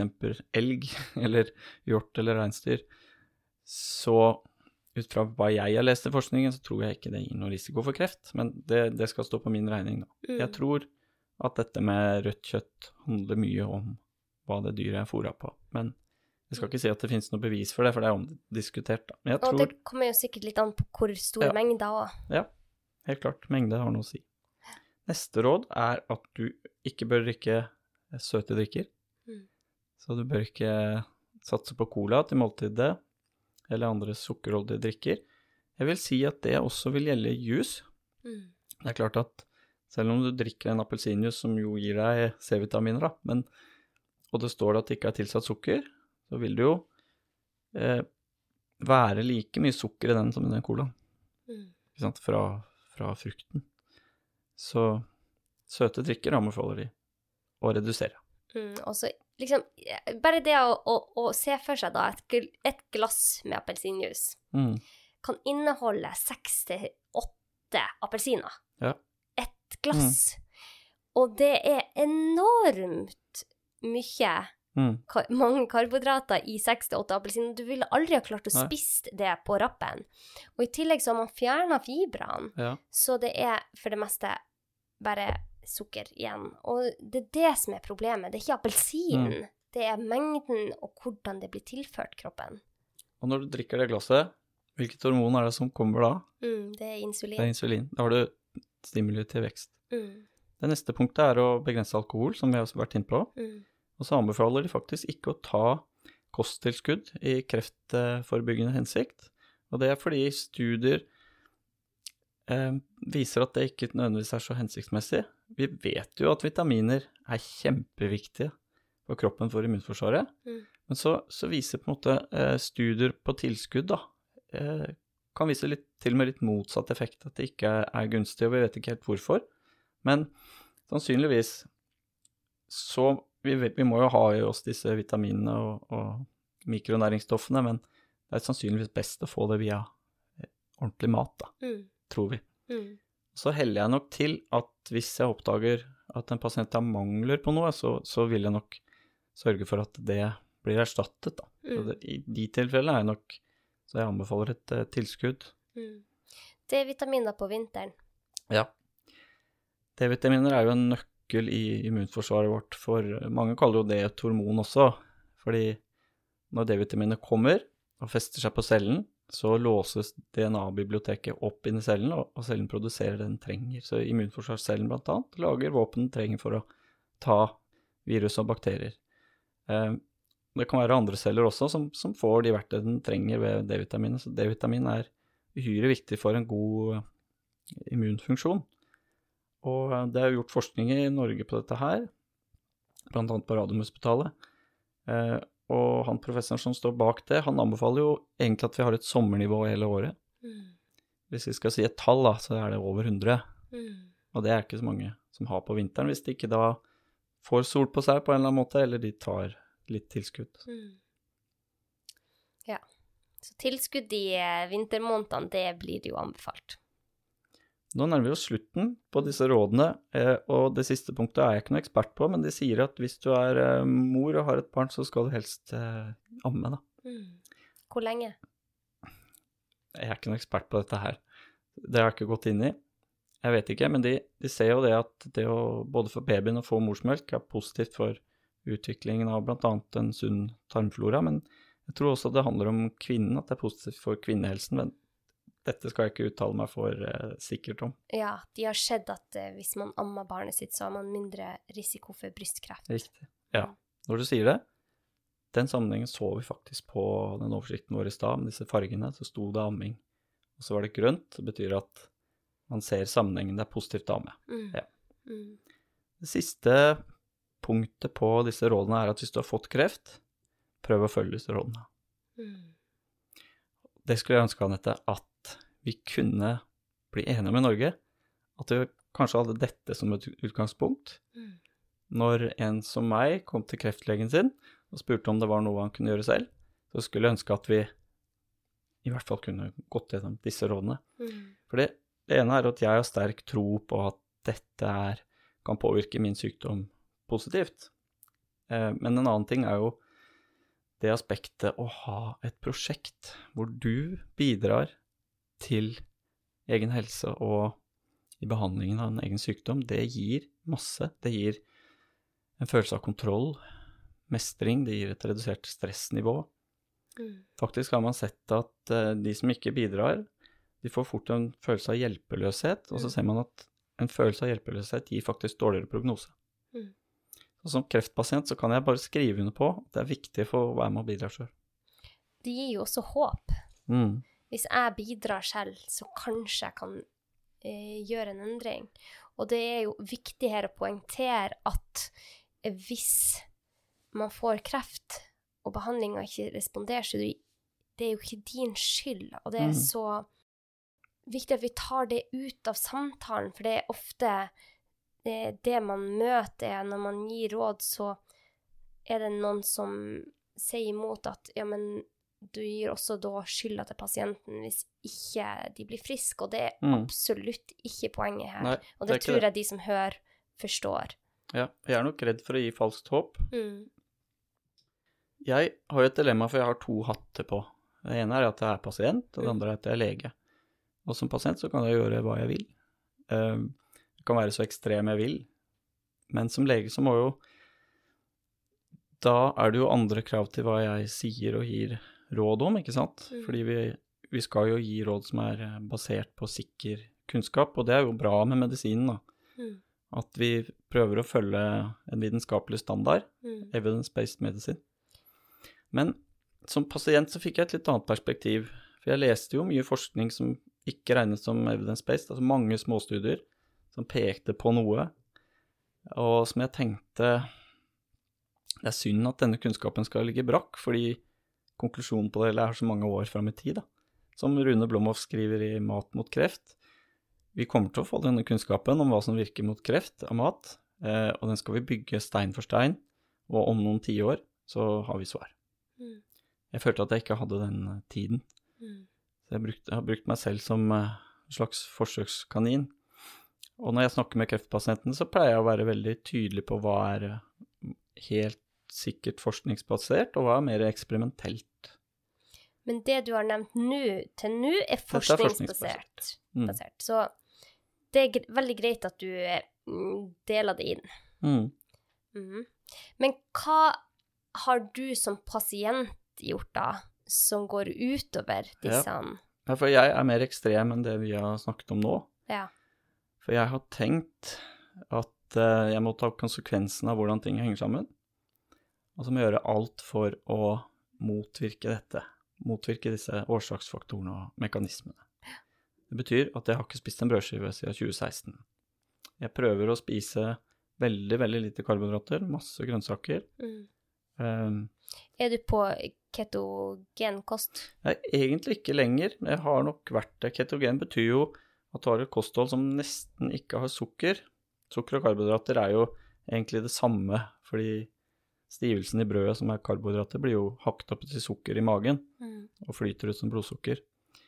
Så eh, jeg har vært ketogen, dvs. Si at jeg har hatt under 10 eller 5 gram karbohydrater om dagen i perioder. Det er veldig lite. Mm. Da spiser du stort sett bare egg og grønnsaker og Mm. litt fisk og, og kjøtt og sånn. Eh, men jeg kan jo godt fortelle deg hvordan min antikreftdag ser ut, da, hvis Ja, du vil. det vil jeg veldig gjerne høre. Det er interessant. Ja. Eh, jeg åpner gjerne hvis jeg spiser frokost, så har jeg en avokado og en liten omelett, eller noe eggemat. Mm. Og omeletten krydrer jeg godt med ulike krydder som jeg har lest i forskjellige studier kan være Hvordan krydder positiv. bruker du? Nei, jeg bruker oregano, rosmarin, gurkemeie, pepper, timian litt assortert, egentlig. Mm. Jeg lager egentlig en sånn krydderblanding som er lett å bare helle over. Ja, og når vi snakker om krydder, ikke sant, her er det mye fiber. Mm. Forskjellige typer fiber som kanskje man kun får gjennom disse typer krydderne. Så da har du allerede startet dagen med mye fiber. Så vet jeg jo at eh, eh, krydder med den fettsyretypen som heter terpener, mm. det er for eksempel eh, mynte, timian, orga, oregano, basilikum, rosmarin og sånn, de bidrar til betennelsesdemping. Eh, og dessuten så et stoff i rosmarinen er vist i dyrestudier da, å, hemme evnen til spredning til, til nabovev. Så man hadde sett mye spennende med disse krydderne i småstudier, altså dyrestudier. Og så tenker jeg, kan ikke si at det er bevist, men hvorfor ikke prøve? Mm. Hvis det ikke er skadelig for meg, hvis det ikke er dyrt, og jeg har det, mange indisier på at det funker, så har jeg gjort det. Og det er ikke Mm. mye bivirkninger i det. Nei, veldig lite bivirkninger. Mm. Noen positive sideeffekter er jo at hvis du hadde fulgt disse rådene vi var gjennom i stad, fra rapporten, da, Mm. som jo egentlig destillert er å lage mat fra bunnen med rene råvarer, unngå ultraprosessert mat og tilsatt sukker, og sørge for nok grønnsaker og fiber, og være fysisk aktiv, Mm. Så det er klart at det er ikke bare positivt for en eventuell kreftsykdom. Dette har jo kjempegode ringvirkninger for helsa di ellers, og vil beskytte deg mot andre livsstilssykdommer. Mm. Så jeg, jeg begynner ofte med avokado-omelett, litt valnøtter kanskje. Ut fra din erfaring, vil den kosten, hvis jeg passer på å ikke spise altfor mye, da, men hvis det, en omelett og avokado ville gi noe insulinstigning, tror du? Nei, lite. Det er jo mye fett i avokado, men det er jo karbohydrater. Men du Mm. får spist det sammen med fettet, så vil ikke det gi en sånn blodsukkertopp som Nei. veldig mange andre frokoster vil gi. Mm. Eh, så det har jeg òg begynt med i de siste Ja. årene. Jeg spiser mye av det etter Holder det frokost. mett lenger, da? Det holder meg mett lenger. Altså det jeg så, er at når jeg spiser havregrynsgrøt, som jeg av og til gjør, så for at jeg skal føle meg bra på det, Mm. så spiser jeg gjerne en halv avokado først, Mm. og så tar jeg i fettkilde Ja. i havregryn og nøtter. Ja. For det vil gjøre at ikke jeg får akkurat den der blodsukkertoppen som Mm. vi ikke vil ha, og som kanskje ikke er helt naturlig for oss. Jeg passer også på å helle oliven over, olivenolje over alt jeg kan, da. Mm. Eh, tre dager i uka så spiser jeg ikke frokost. Da har jeg en sånn minifaste, da, Mm. hvor jeg spiser først til lunsj igjen. Mm. Um, ellers så spiser jeg gjerne en salat eh, til lunsj eller grønnsakssuppe. Mm. Og til middag er det grønnsaker med kjøtt, fisk eller kylling, da. Helst økologisk, men det får jeg ikke til, da. Alltid. Mm. Og det er ikke alltid jeg spiser kvelds, men da kan det være ost, skinke, nøtter, et eller annet. Jeg er ikke så fryktelig kreativ, men, men eh, det jeg beskrev nå, er i hvert fall veldig gjennomførbart for meg. Ja, og så er det ikke sånn Det er jo ikke ekstremt, dette. Eh, jeg har jo hatt pasienter som har fått forskjellige sykdommer som jeg vil si kanskje går ekstremt. Mm. De kjøper inn mye ny type mat fra mm, eksotiske steder og bruker det sånn såkalt superfoods i Mm. alt, og går mm, veldig langt bort fra norsk kosthold. Og når jeg tenker over hvordan det vil påvirke tarmfloraen, så er det jo sånn at vi har jo vokst opp i dette miljøet og dette klimaet, og det å gå for langt fra ditt eget miljø når det kommer til mat, tror jeg heller ikke er helt gunstig for tarmbakteriene okay. dine. Spennende. Men eh, det vet jeg ikke, og vi har ikke forska på det ennå, men jeg tror det er viktig at man har at når man endrer kostholdet, at man også bruker mat fra der du er ifra. Mm. Det er det, det kanskje der ditt indre eh, miljø er tilpassa. Men dette er spekulasjoner, og det er ikke noe forskningssvar eh, på det. Men eh, sånn som du spiser, så er det jo bare at du spiser reinere, og så går du mindre og mindre bort, mer og mer bort fra dette med karbohydrater. Mm. Hvis jeg i tillegg har fått trent en økt, Mm. fått litt sol på kroppen eh, Jeg glemte å si at en god antikreftdag den begynner jo med god søvn. Det er ekstremt viktig. Mm. For det er også kjempeviktig for immunforsvaret ditt. Så, Det kan vi ha en helt egen episode om. Ja. men ja. ja. så, så sånn kan det se ut en dag. Jeg passer også på å drikke mye grønn te, da. Mm. Som, Hvorfor eh, drikker du grønn te? hvis vi skal se på ulike typer drikke, så er kanskje grønn te det er forsket mest på i kreftsammenheng. Hvor det er katekiner, stoffer som kan påvirke kreft positivt. Det er forska mye på prostatakreft i forhold til dette, Mm. men også andre, andre kreftformer. Eh, Og nå måtte jeg ta meg en slurk grønn te, siden du Ja. minte meg på det. du, du, eh, det du gjør også, er at du hemmer eh, en raring som heter nuclear factor kappa B, som kreftcellene bruker for å øke betennelse rundt seg. Ok. Så det er betennelsesdempende. Mm. Jeg prøver å drikke noen kopper om dagen. Men er det en spesiell type grønn te? Det er blitt så fancy det her nå. Grønn Ja. te er ikke bare grønn te lenger. Nei, ikke sant. Det viktigste er at jeg prøver å kjøpe økologisk. Mm. Eh, så sier man at en sånn matcha iallfall er god kvalitet, Mm. og så må den få lov å trekke noen minutter Mm. for å få ut de aktive stoffene. Mm. Vanlig te er også bra. Grønn te er kanskje det beste, Mm. sånn sett.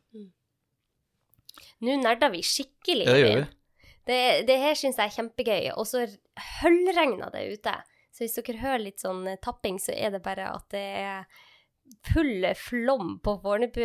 Det er sommeren er på hell. Ser sånn ut. OK, jeg får vite mer. Hva, hva gjør du når, når de sier at de ikke anbefaler kosttilskudd? Jeg har jo mange pasienter som når de får en diagnose, kjøper inn et arsenal av kosttilskudd. Mm. Ja. Hvorf, hva gjør du? Jeg bruker nok litt. Eh, blant annet så er jo fokuset på immunforsvaret.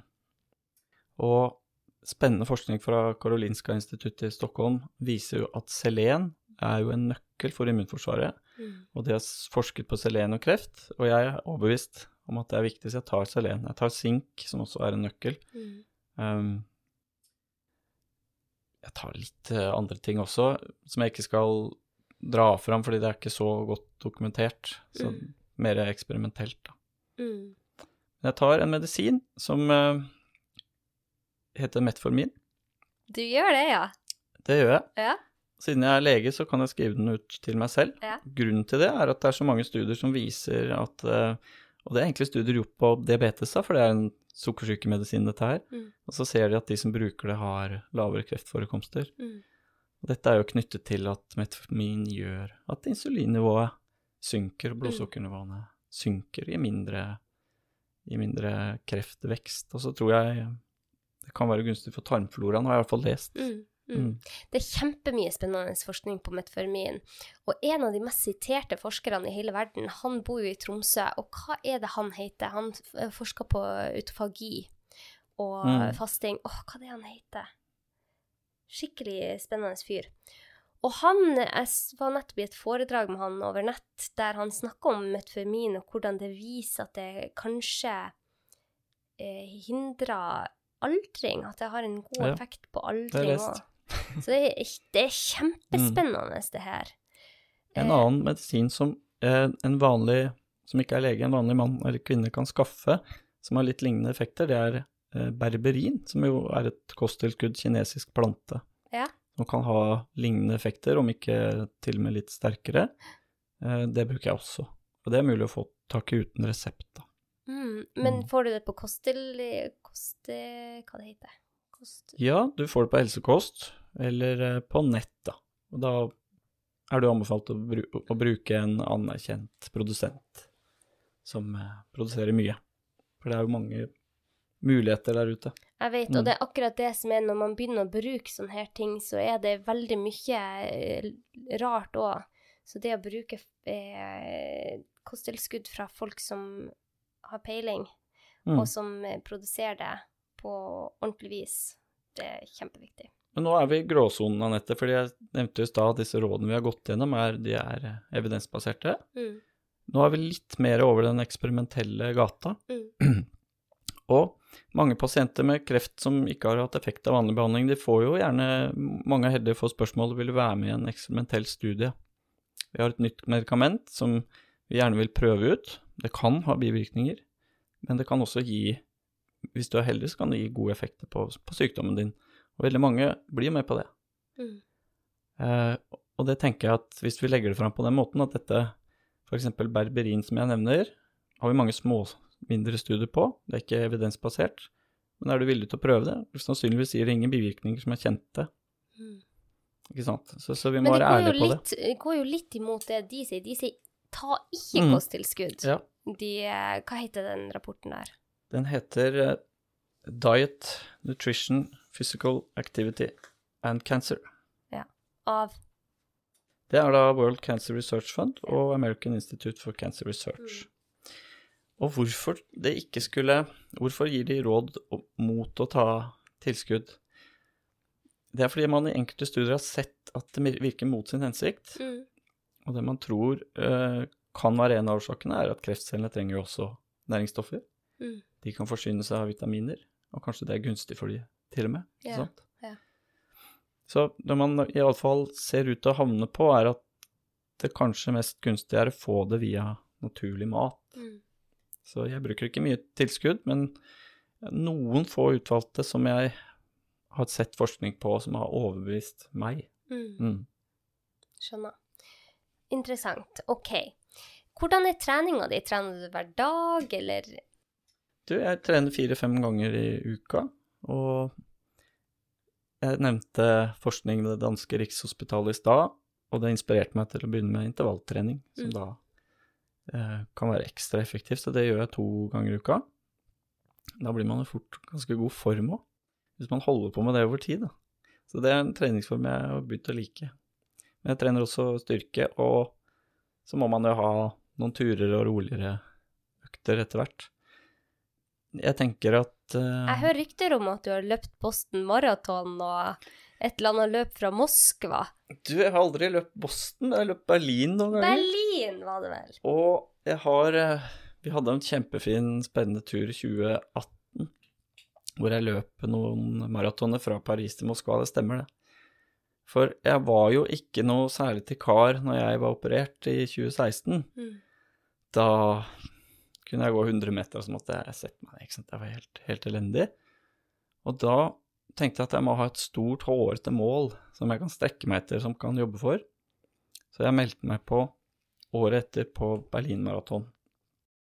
Og det tenkte jeg var helt urealistisk.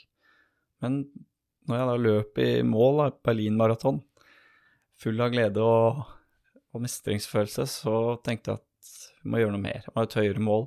Ja. Så da, da dro jeg og en kamerat året etter til, til Paris.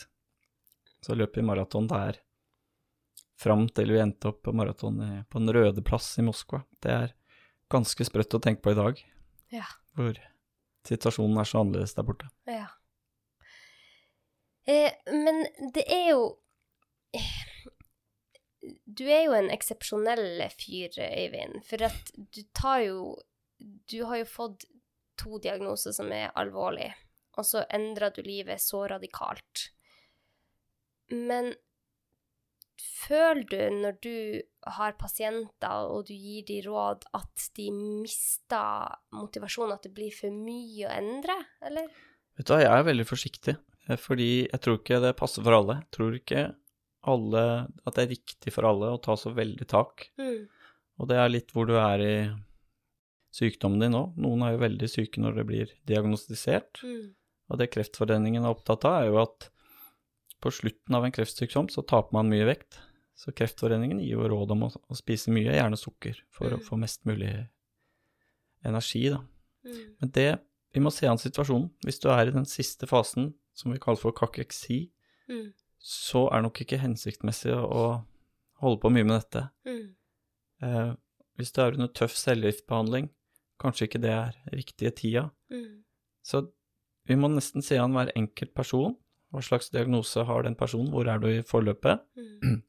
Så jeg spør litt forsiktig. Er det sånn at du ønsker å, å utforske mulighetene, og om det er noe du kan gjøre selv? Mm. Og noen svarer nei, og det er jo helt greit. Mm. Mens andre er motiverte, og da, da kan vi bidra. Men jeg tenker det viktige er at alle på diagnosetidspunktet Det jeg brenner for, da, at alle skal få et tilbud Mm.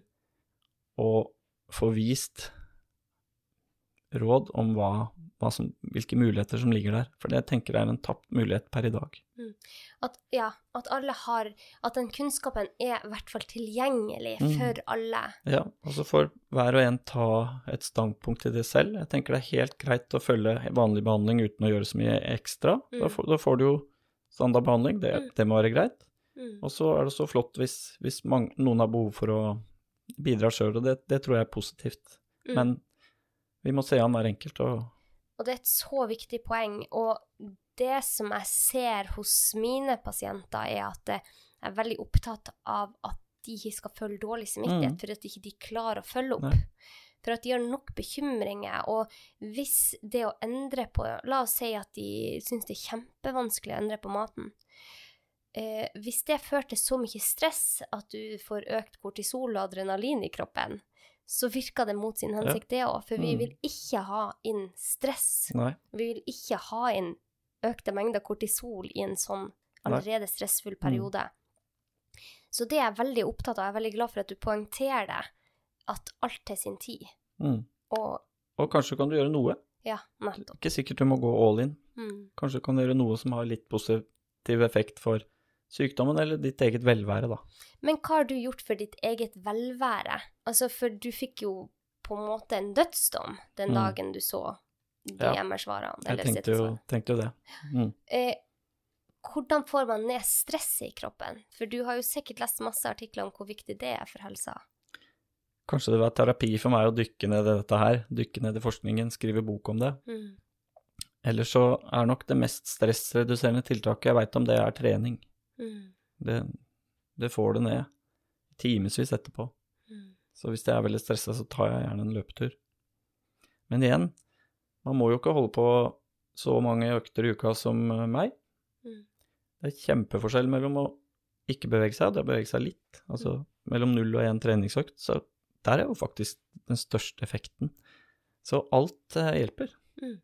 Og det å gå seg en tur i skogen i Absolutt. 20 minutter har enorme effekter. Mm. Så man trenger ikke å sprenge Berlin eh, maraton. Nei. Men mm, det å gå seg en tur, det, det kan være kjempenyttig. Helt klart. Er det noe mer du har eh, gjort i hverdagen? Du, hvis vi skal sett, se litt sånn overordna på det, da, uten å gå i detalj på alle disse tingene jeg gjør, så, så handler det jo om på den ene siden å ta bort ting som kan virke negativt. Mm. For eksempel da Vi snakka om giftstoffer, vi snakka om et kosthold som kanskje virker litt ugunstig, det å være inaktiv. Um, røyk hvis du gjør det, alkohol, sånne ting. Ta bort på den ene siden, Mm. og så legge til Mm. positive tiltak som plantekjemikalier fra grønnsaker, krydder, gunstige stoffer i frukt og bær. Um, få trening, få sol, få søvn, stressreduksjon. Så sånn på det overordna perspektivet så handler det om det. Ta bort negative ting. Tilfør positive ting. Mm. Og så er det sånn at vi har noe som heter synergi, og det er ikke alltid én pluss én er to. For eksempel i planteverdenen, da. Disse forskjellige plantekjemikaliene. Hvis du legger de sammen, så kan de potensiere effekten til hverandre. Mm. De kan gjøre hverandre enda mer effektive. Én pluss én blir syv. Én pluss én kan være mer enn to. Ja. Mm. Ja, det, den, eh, den effekten ser man jo også motsatt, kanskje, med miljøavgifter. Vi vet ikke ennå, men eh, det er et godt poeng. Så jeg vil bare oppsummere eh, kort her, før vi skal ta de siste spørsmålene, Øyvind. Du er opptatt av at man skal følge konvensjonell behandling. Mm. Det har du selv tatt Mm. og, og fått. Du har vært pasient i eh, norsk helsevesen, og du er skryter jo veldig av norsk helsevesen. Det gjør jeg. Så det er ikke kritikk her, men du ønsker å formidle at det er verktøy vi hver og en av oss òg kan eh, få og bruke for å få en bedre helse. Mm. Og det du snakker om nå, Øyvind, forskninga viser jo at det du sier, veldig mye av eh, disse rådene, er jo vist at har kjempestor effekt på andre sykdommer òg. Mm. Så alt henger sammen. Alt henger sammen. Det er jo litt nye tanker om kreft nå, eh, hvor man ikke nødvendigvis fokuserer på dette med mutasjonene som årsak, som, som eneste årsak, men også hva som gjør at hvis vi kaller mutasjonene eh, et frø Mm. Som kan vokse seg til kreft, så tenker man også at jordsmonnet, som det frøet blir sådd i, også er kjempeviktig. Kaller det for seed-soil-teorien. Seed er frø, og soil er jordsmonnet, da. Mm. Og alle de tingene vi har snakket om i dag, disse mulige positive tiltakene, handler om jordsmonnet vårt. Og det er klart at eh, Fedon Lindberg sa det en gang. Eh, ikke spør hvorfor folk får kreft, spør heller hvorfor noen ikke får kreft. For det handler om jordsmonnet vårt. Alle har vi jo kreftceller i kroppen i løpet av livet, men det er ikke alle som utvikler det allikevel. For hvis det ikke er et fruktbart jordsmonn, så vil det sannsynligvis gå bra, da. Mm. Jeg skal nevne, for det har vært mye frustrasjon i forskningsmiljøene, at vi, vi har jo ikke skjønt hva som egentlig skjer, hvorfor denne sykdommen utvikler seg og blir så alvorlig. Eh, Så amerikanske National Cancer Institute de, de lagde prosjektet i 2009, hvor de ville ha noen til å se på dette med helt nye øyne. Da. Og de ville ikke ha kreftforskere med på, på dette. De ville ha noen fra helt andre yrkesgrupper. Så de rekrutterte andre akademikere, fysikere, astrobiologer annet, Mm. for å se på dette med hva er egentlig kreft. Og det syns jeg var kjempespennende, fordi som fysiker Paul Davis sa da, ja, men vil dere ha med meg, jeg, jeg kan jo ingenting om kreft. Flott, sa National Cancer Institute, akkurat det vi trenger. Han var jo ledende innen sitt felt. Mm. Han kunne ikke noe om kreft, han hadde heller da ingen, hva skal vi si, bias eller bakgrunn for å eh, Han tok ikke med seg de gamle sannhetene, kan du si, Mm. inn. Og det som slo disse forskerne når de studerte dette i årene som gikk etterpå, var at kreft er ikke en tilfeldig, uheldig ansamling av mutasjoner. Det virker ikke tilfeldig i det hele tatt. Mm.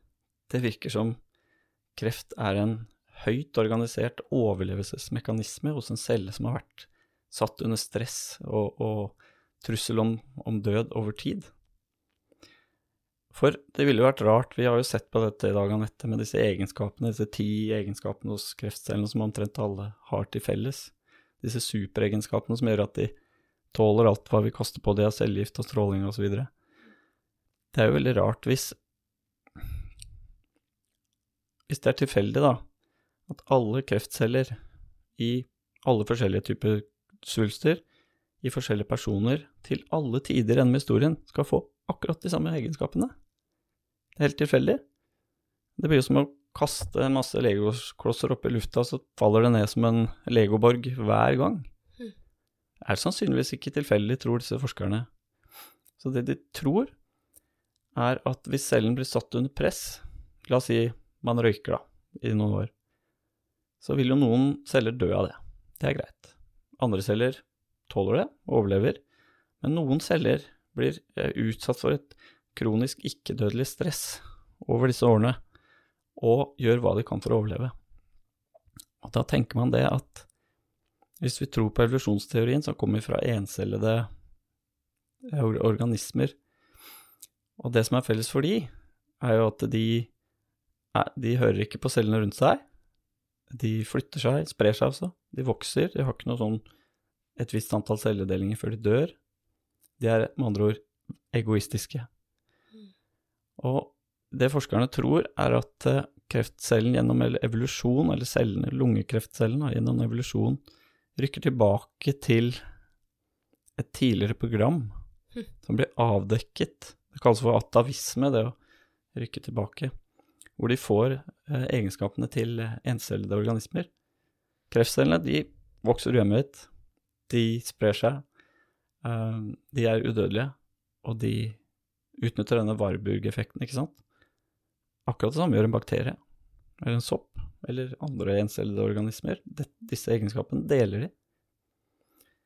Så hvis man tenker på det sånn, at kreft egentlig er hensiktsmessig overlevelsesmekanisme under stress, som da gjennom evolusjon blir en kreftcelle, så gir det mer mening å gå til den grunnleggende årsaken som er røykingen, da. Eller kosthold for den saks skyld. Jordsmonnet, som jeg snakker om. Mm. Miljøet rundt. For vi, vi har vært veldig fokusert på disse mutasjonene, og vi kan godt si at i lungekreft, så, lungekreft så har du mutasjon f.eks. AKT1. Den er problemet. Den må vi prøve å blokke så det ikke blir kreft. Men mutasjonen er Det er hvordan kreft blir kreft, det er ikke hvorfor. Så det vi må gjøre, er å ta bort røyken. Den er hvorfor. Mm. Så vi fokuserer på mekanismen og ikke den grunnleggende årsaken.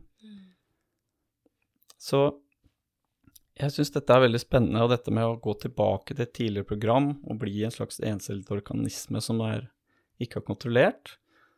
Vi har jo andre eksempler på det òg. Det er jo født menneskebarn med perfekte haler. Mm.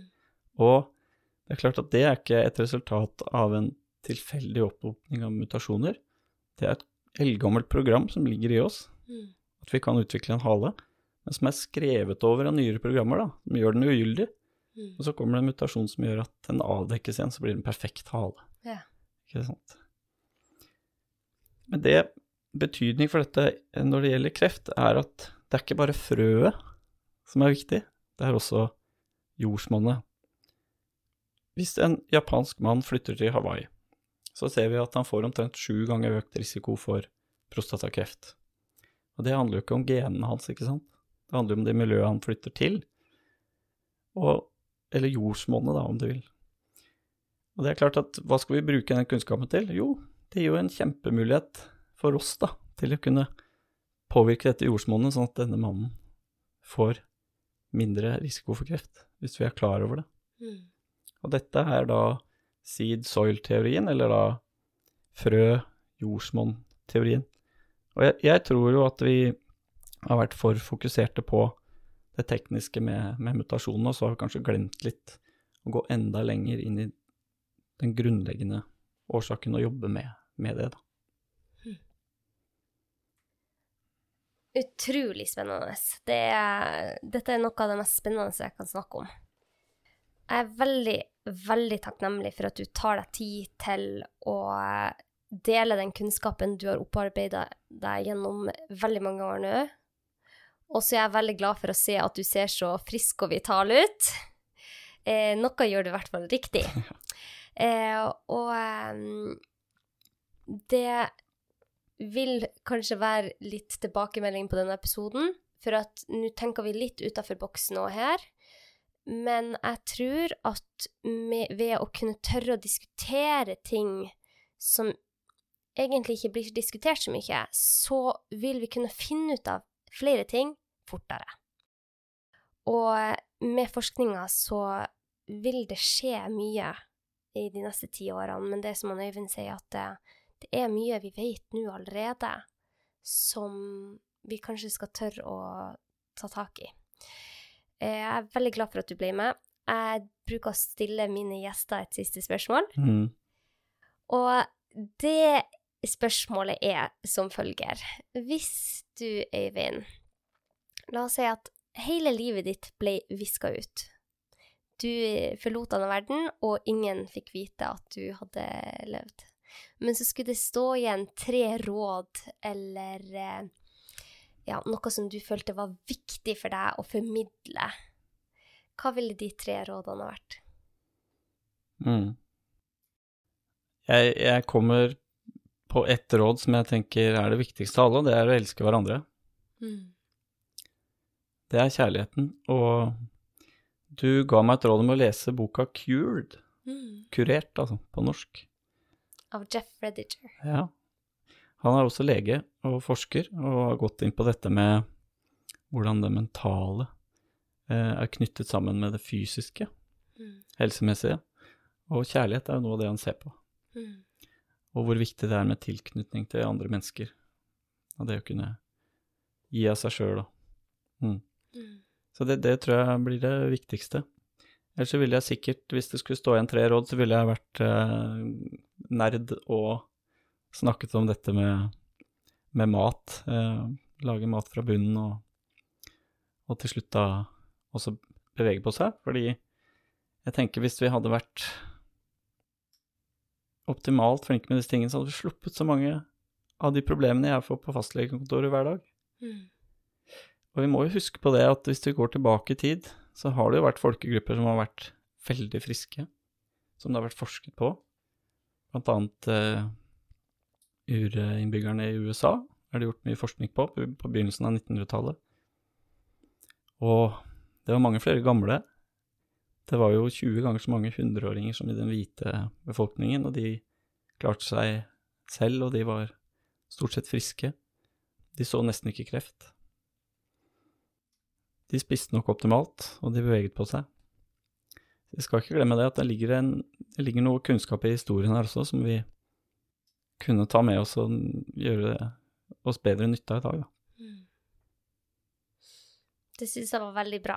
Gode ord. Tusen takk, eh, Øyvind, for at du ble med. Takk for at jeg fikk komme. Er det et sted mine lyttere kan nå deg? Du, jeg er ikke supertilgjengelig, men det, har, det vet jo mange av lytterne om, at eh, fastlegehverdagen er så travel. Mm. Også et av kreftrådene mine å stresse ned. Da har jeg lært meg at jeg må begrense meg, Mm. så jeg tar meg av jobben min, og, og ungene og familien. Mm. Og da har jeg måttet bare begrense meg til det, da, Mm. foreløpig. Det er flott å høre. Veldig bra. Og eh, da tenker jeg at hvis dere har noen spørsmål angående episoden, eller tilbakemeldinger, som jeg er sikker på at mange har, skriv til meg eh, under episoden på Instagram eller Facebook. Og hvis du føler at dette er en episode som er viktig for noen andre, eller som du tenker vil være nyttig for noen andre, så send den til dem, for det er sånn vi kan få ut kunnskapen. Og med det så ønsker jeg deg en kjempefin dag. Ha det godt!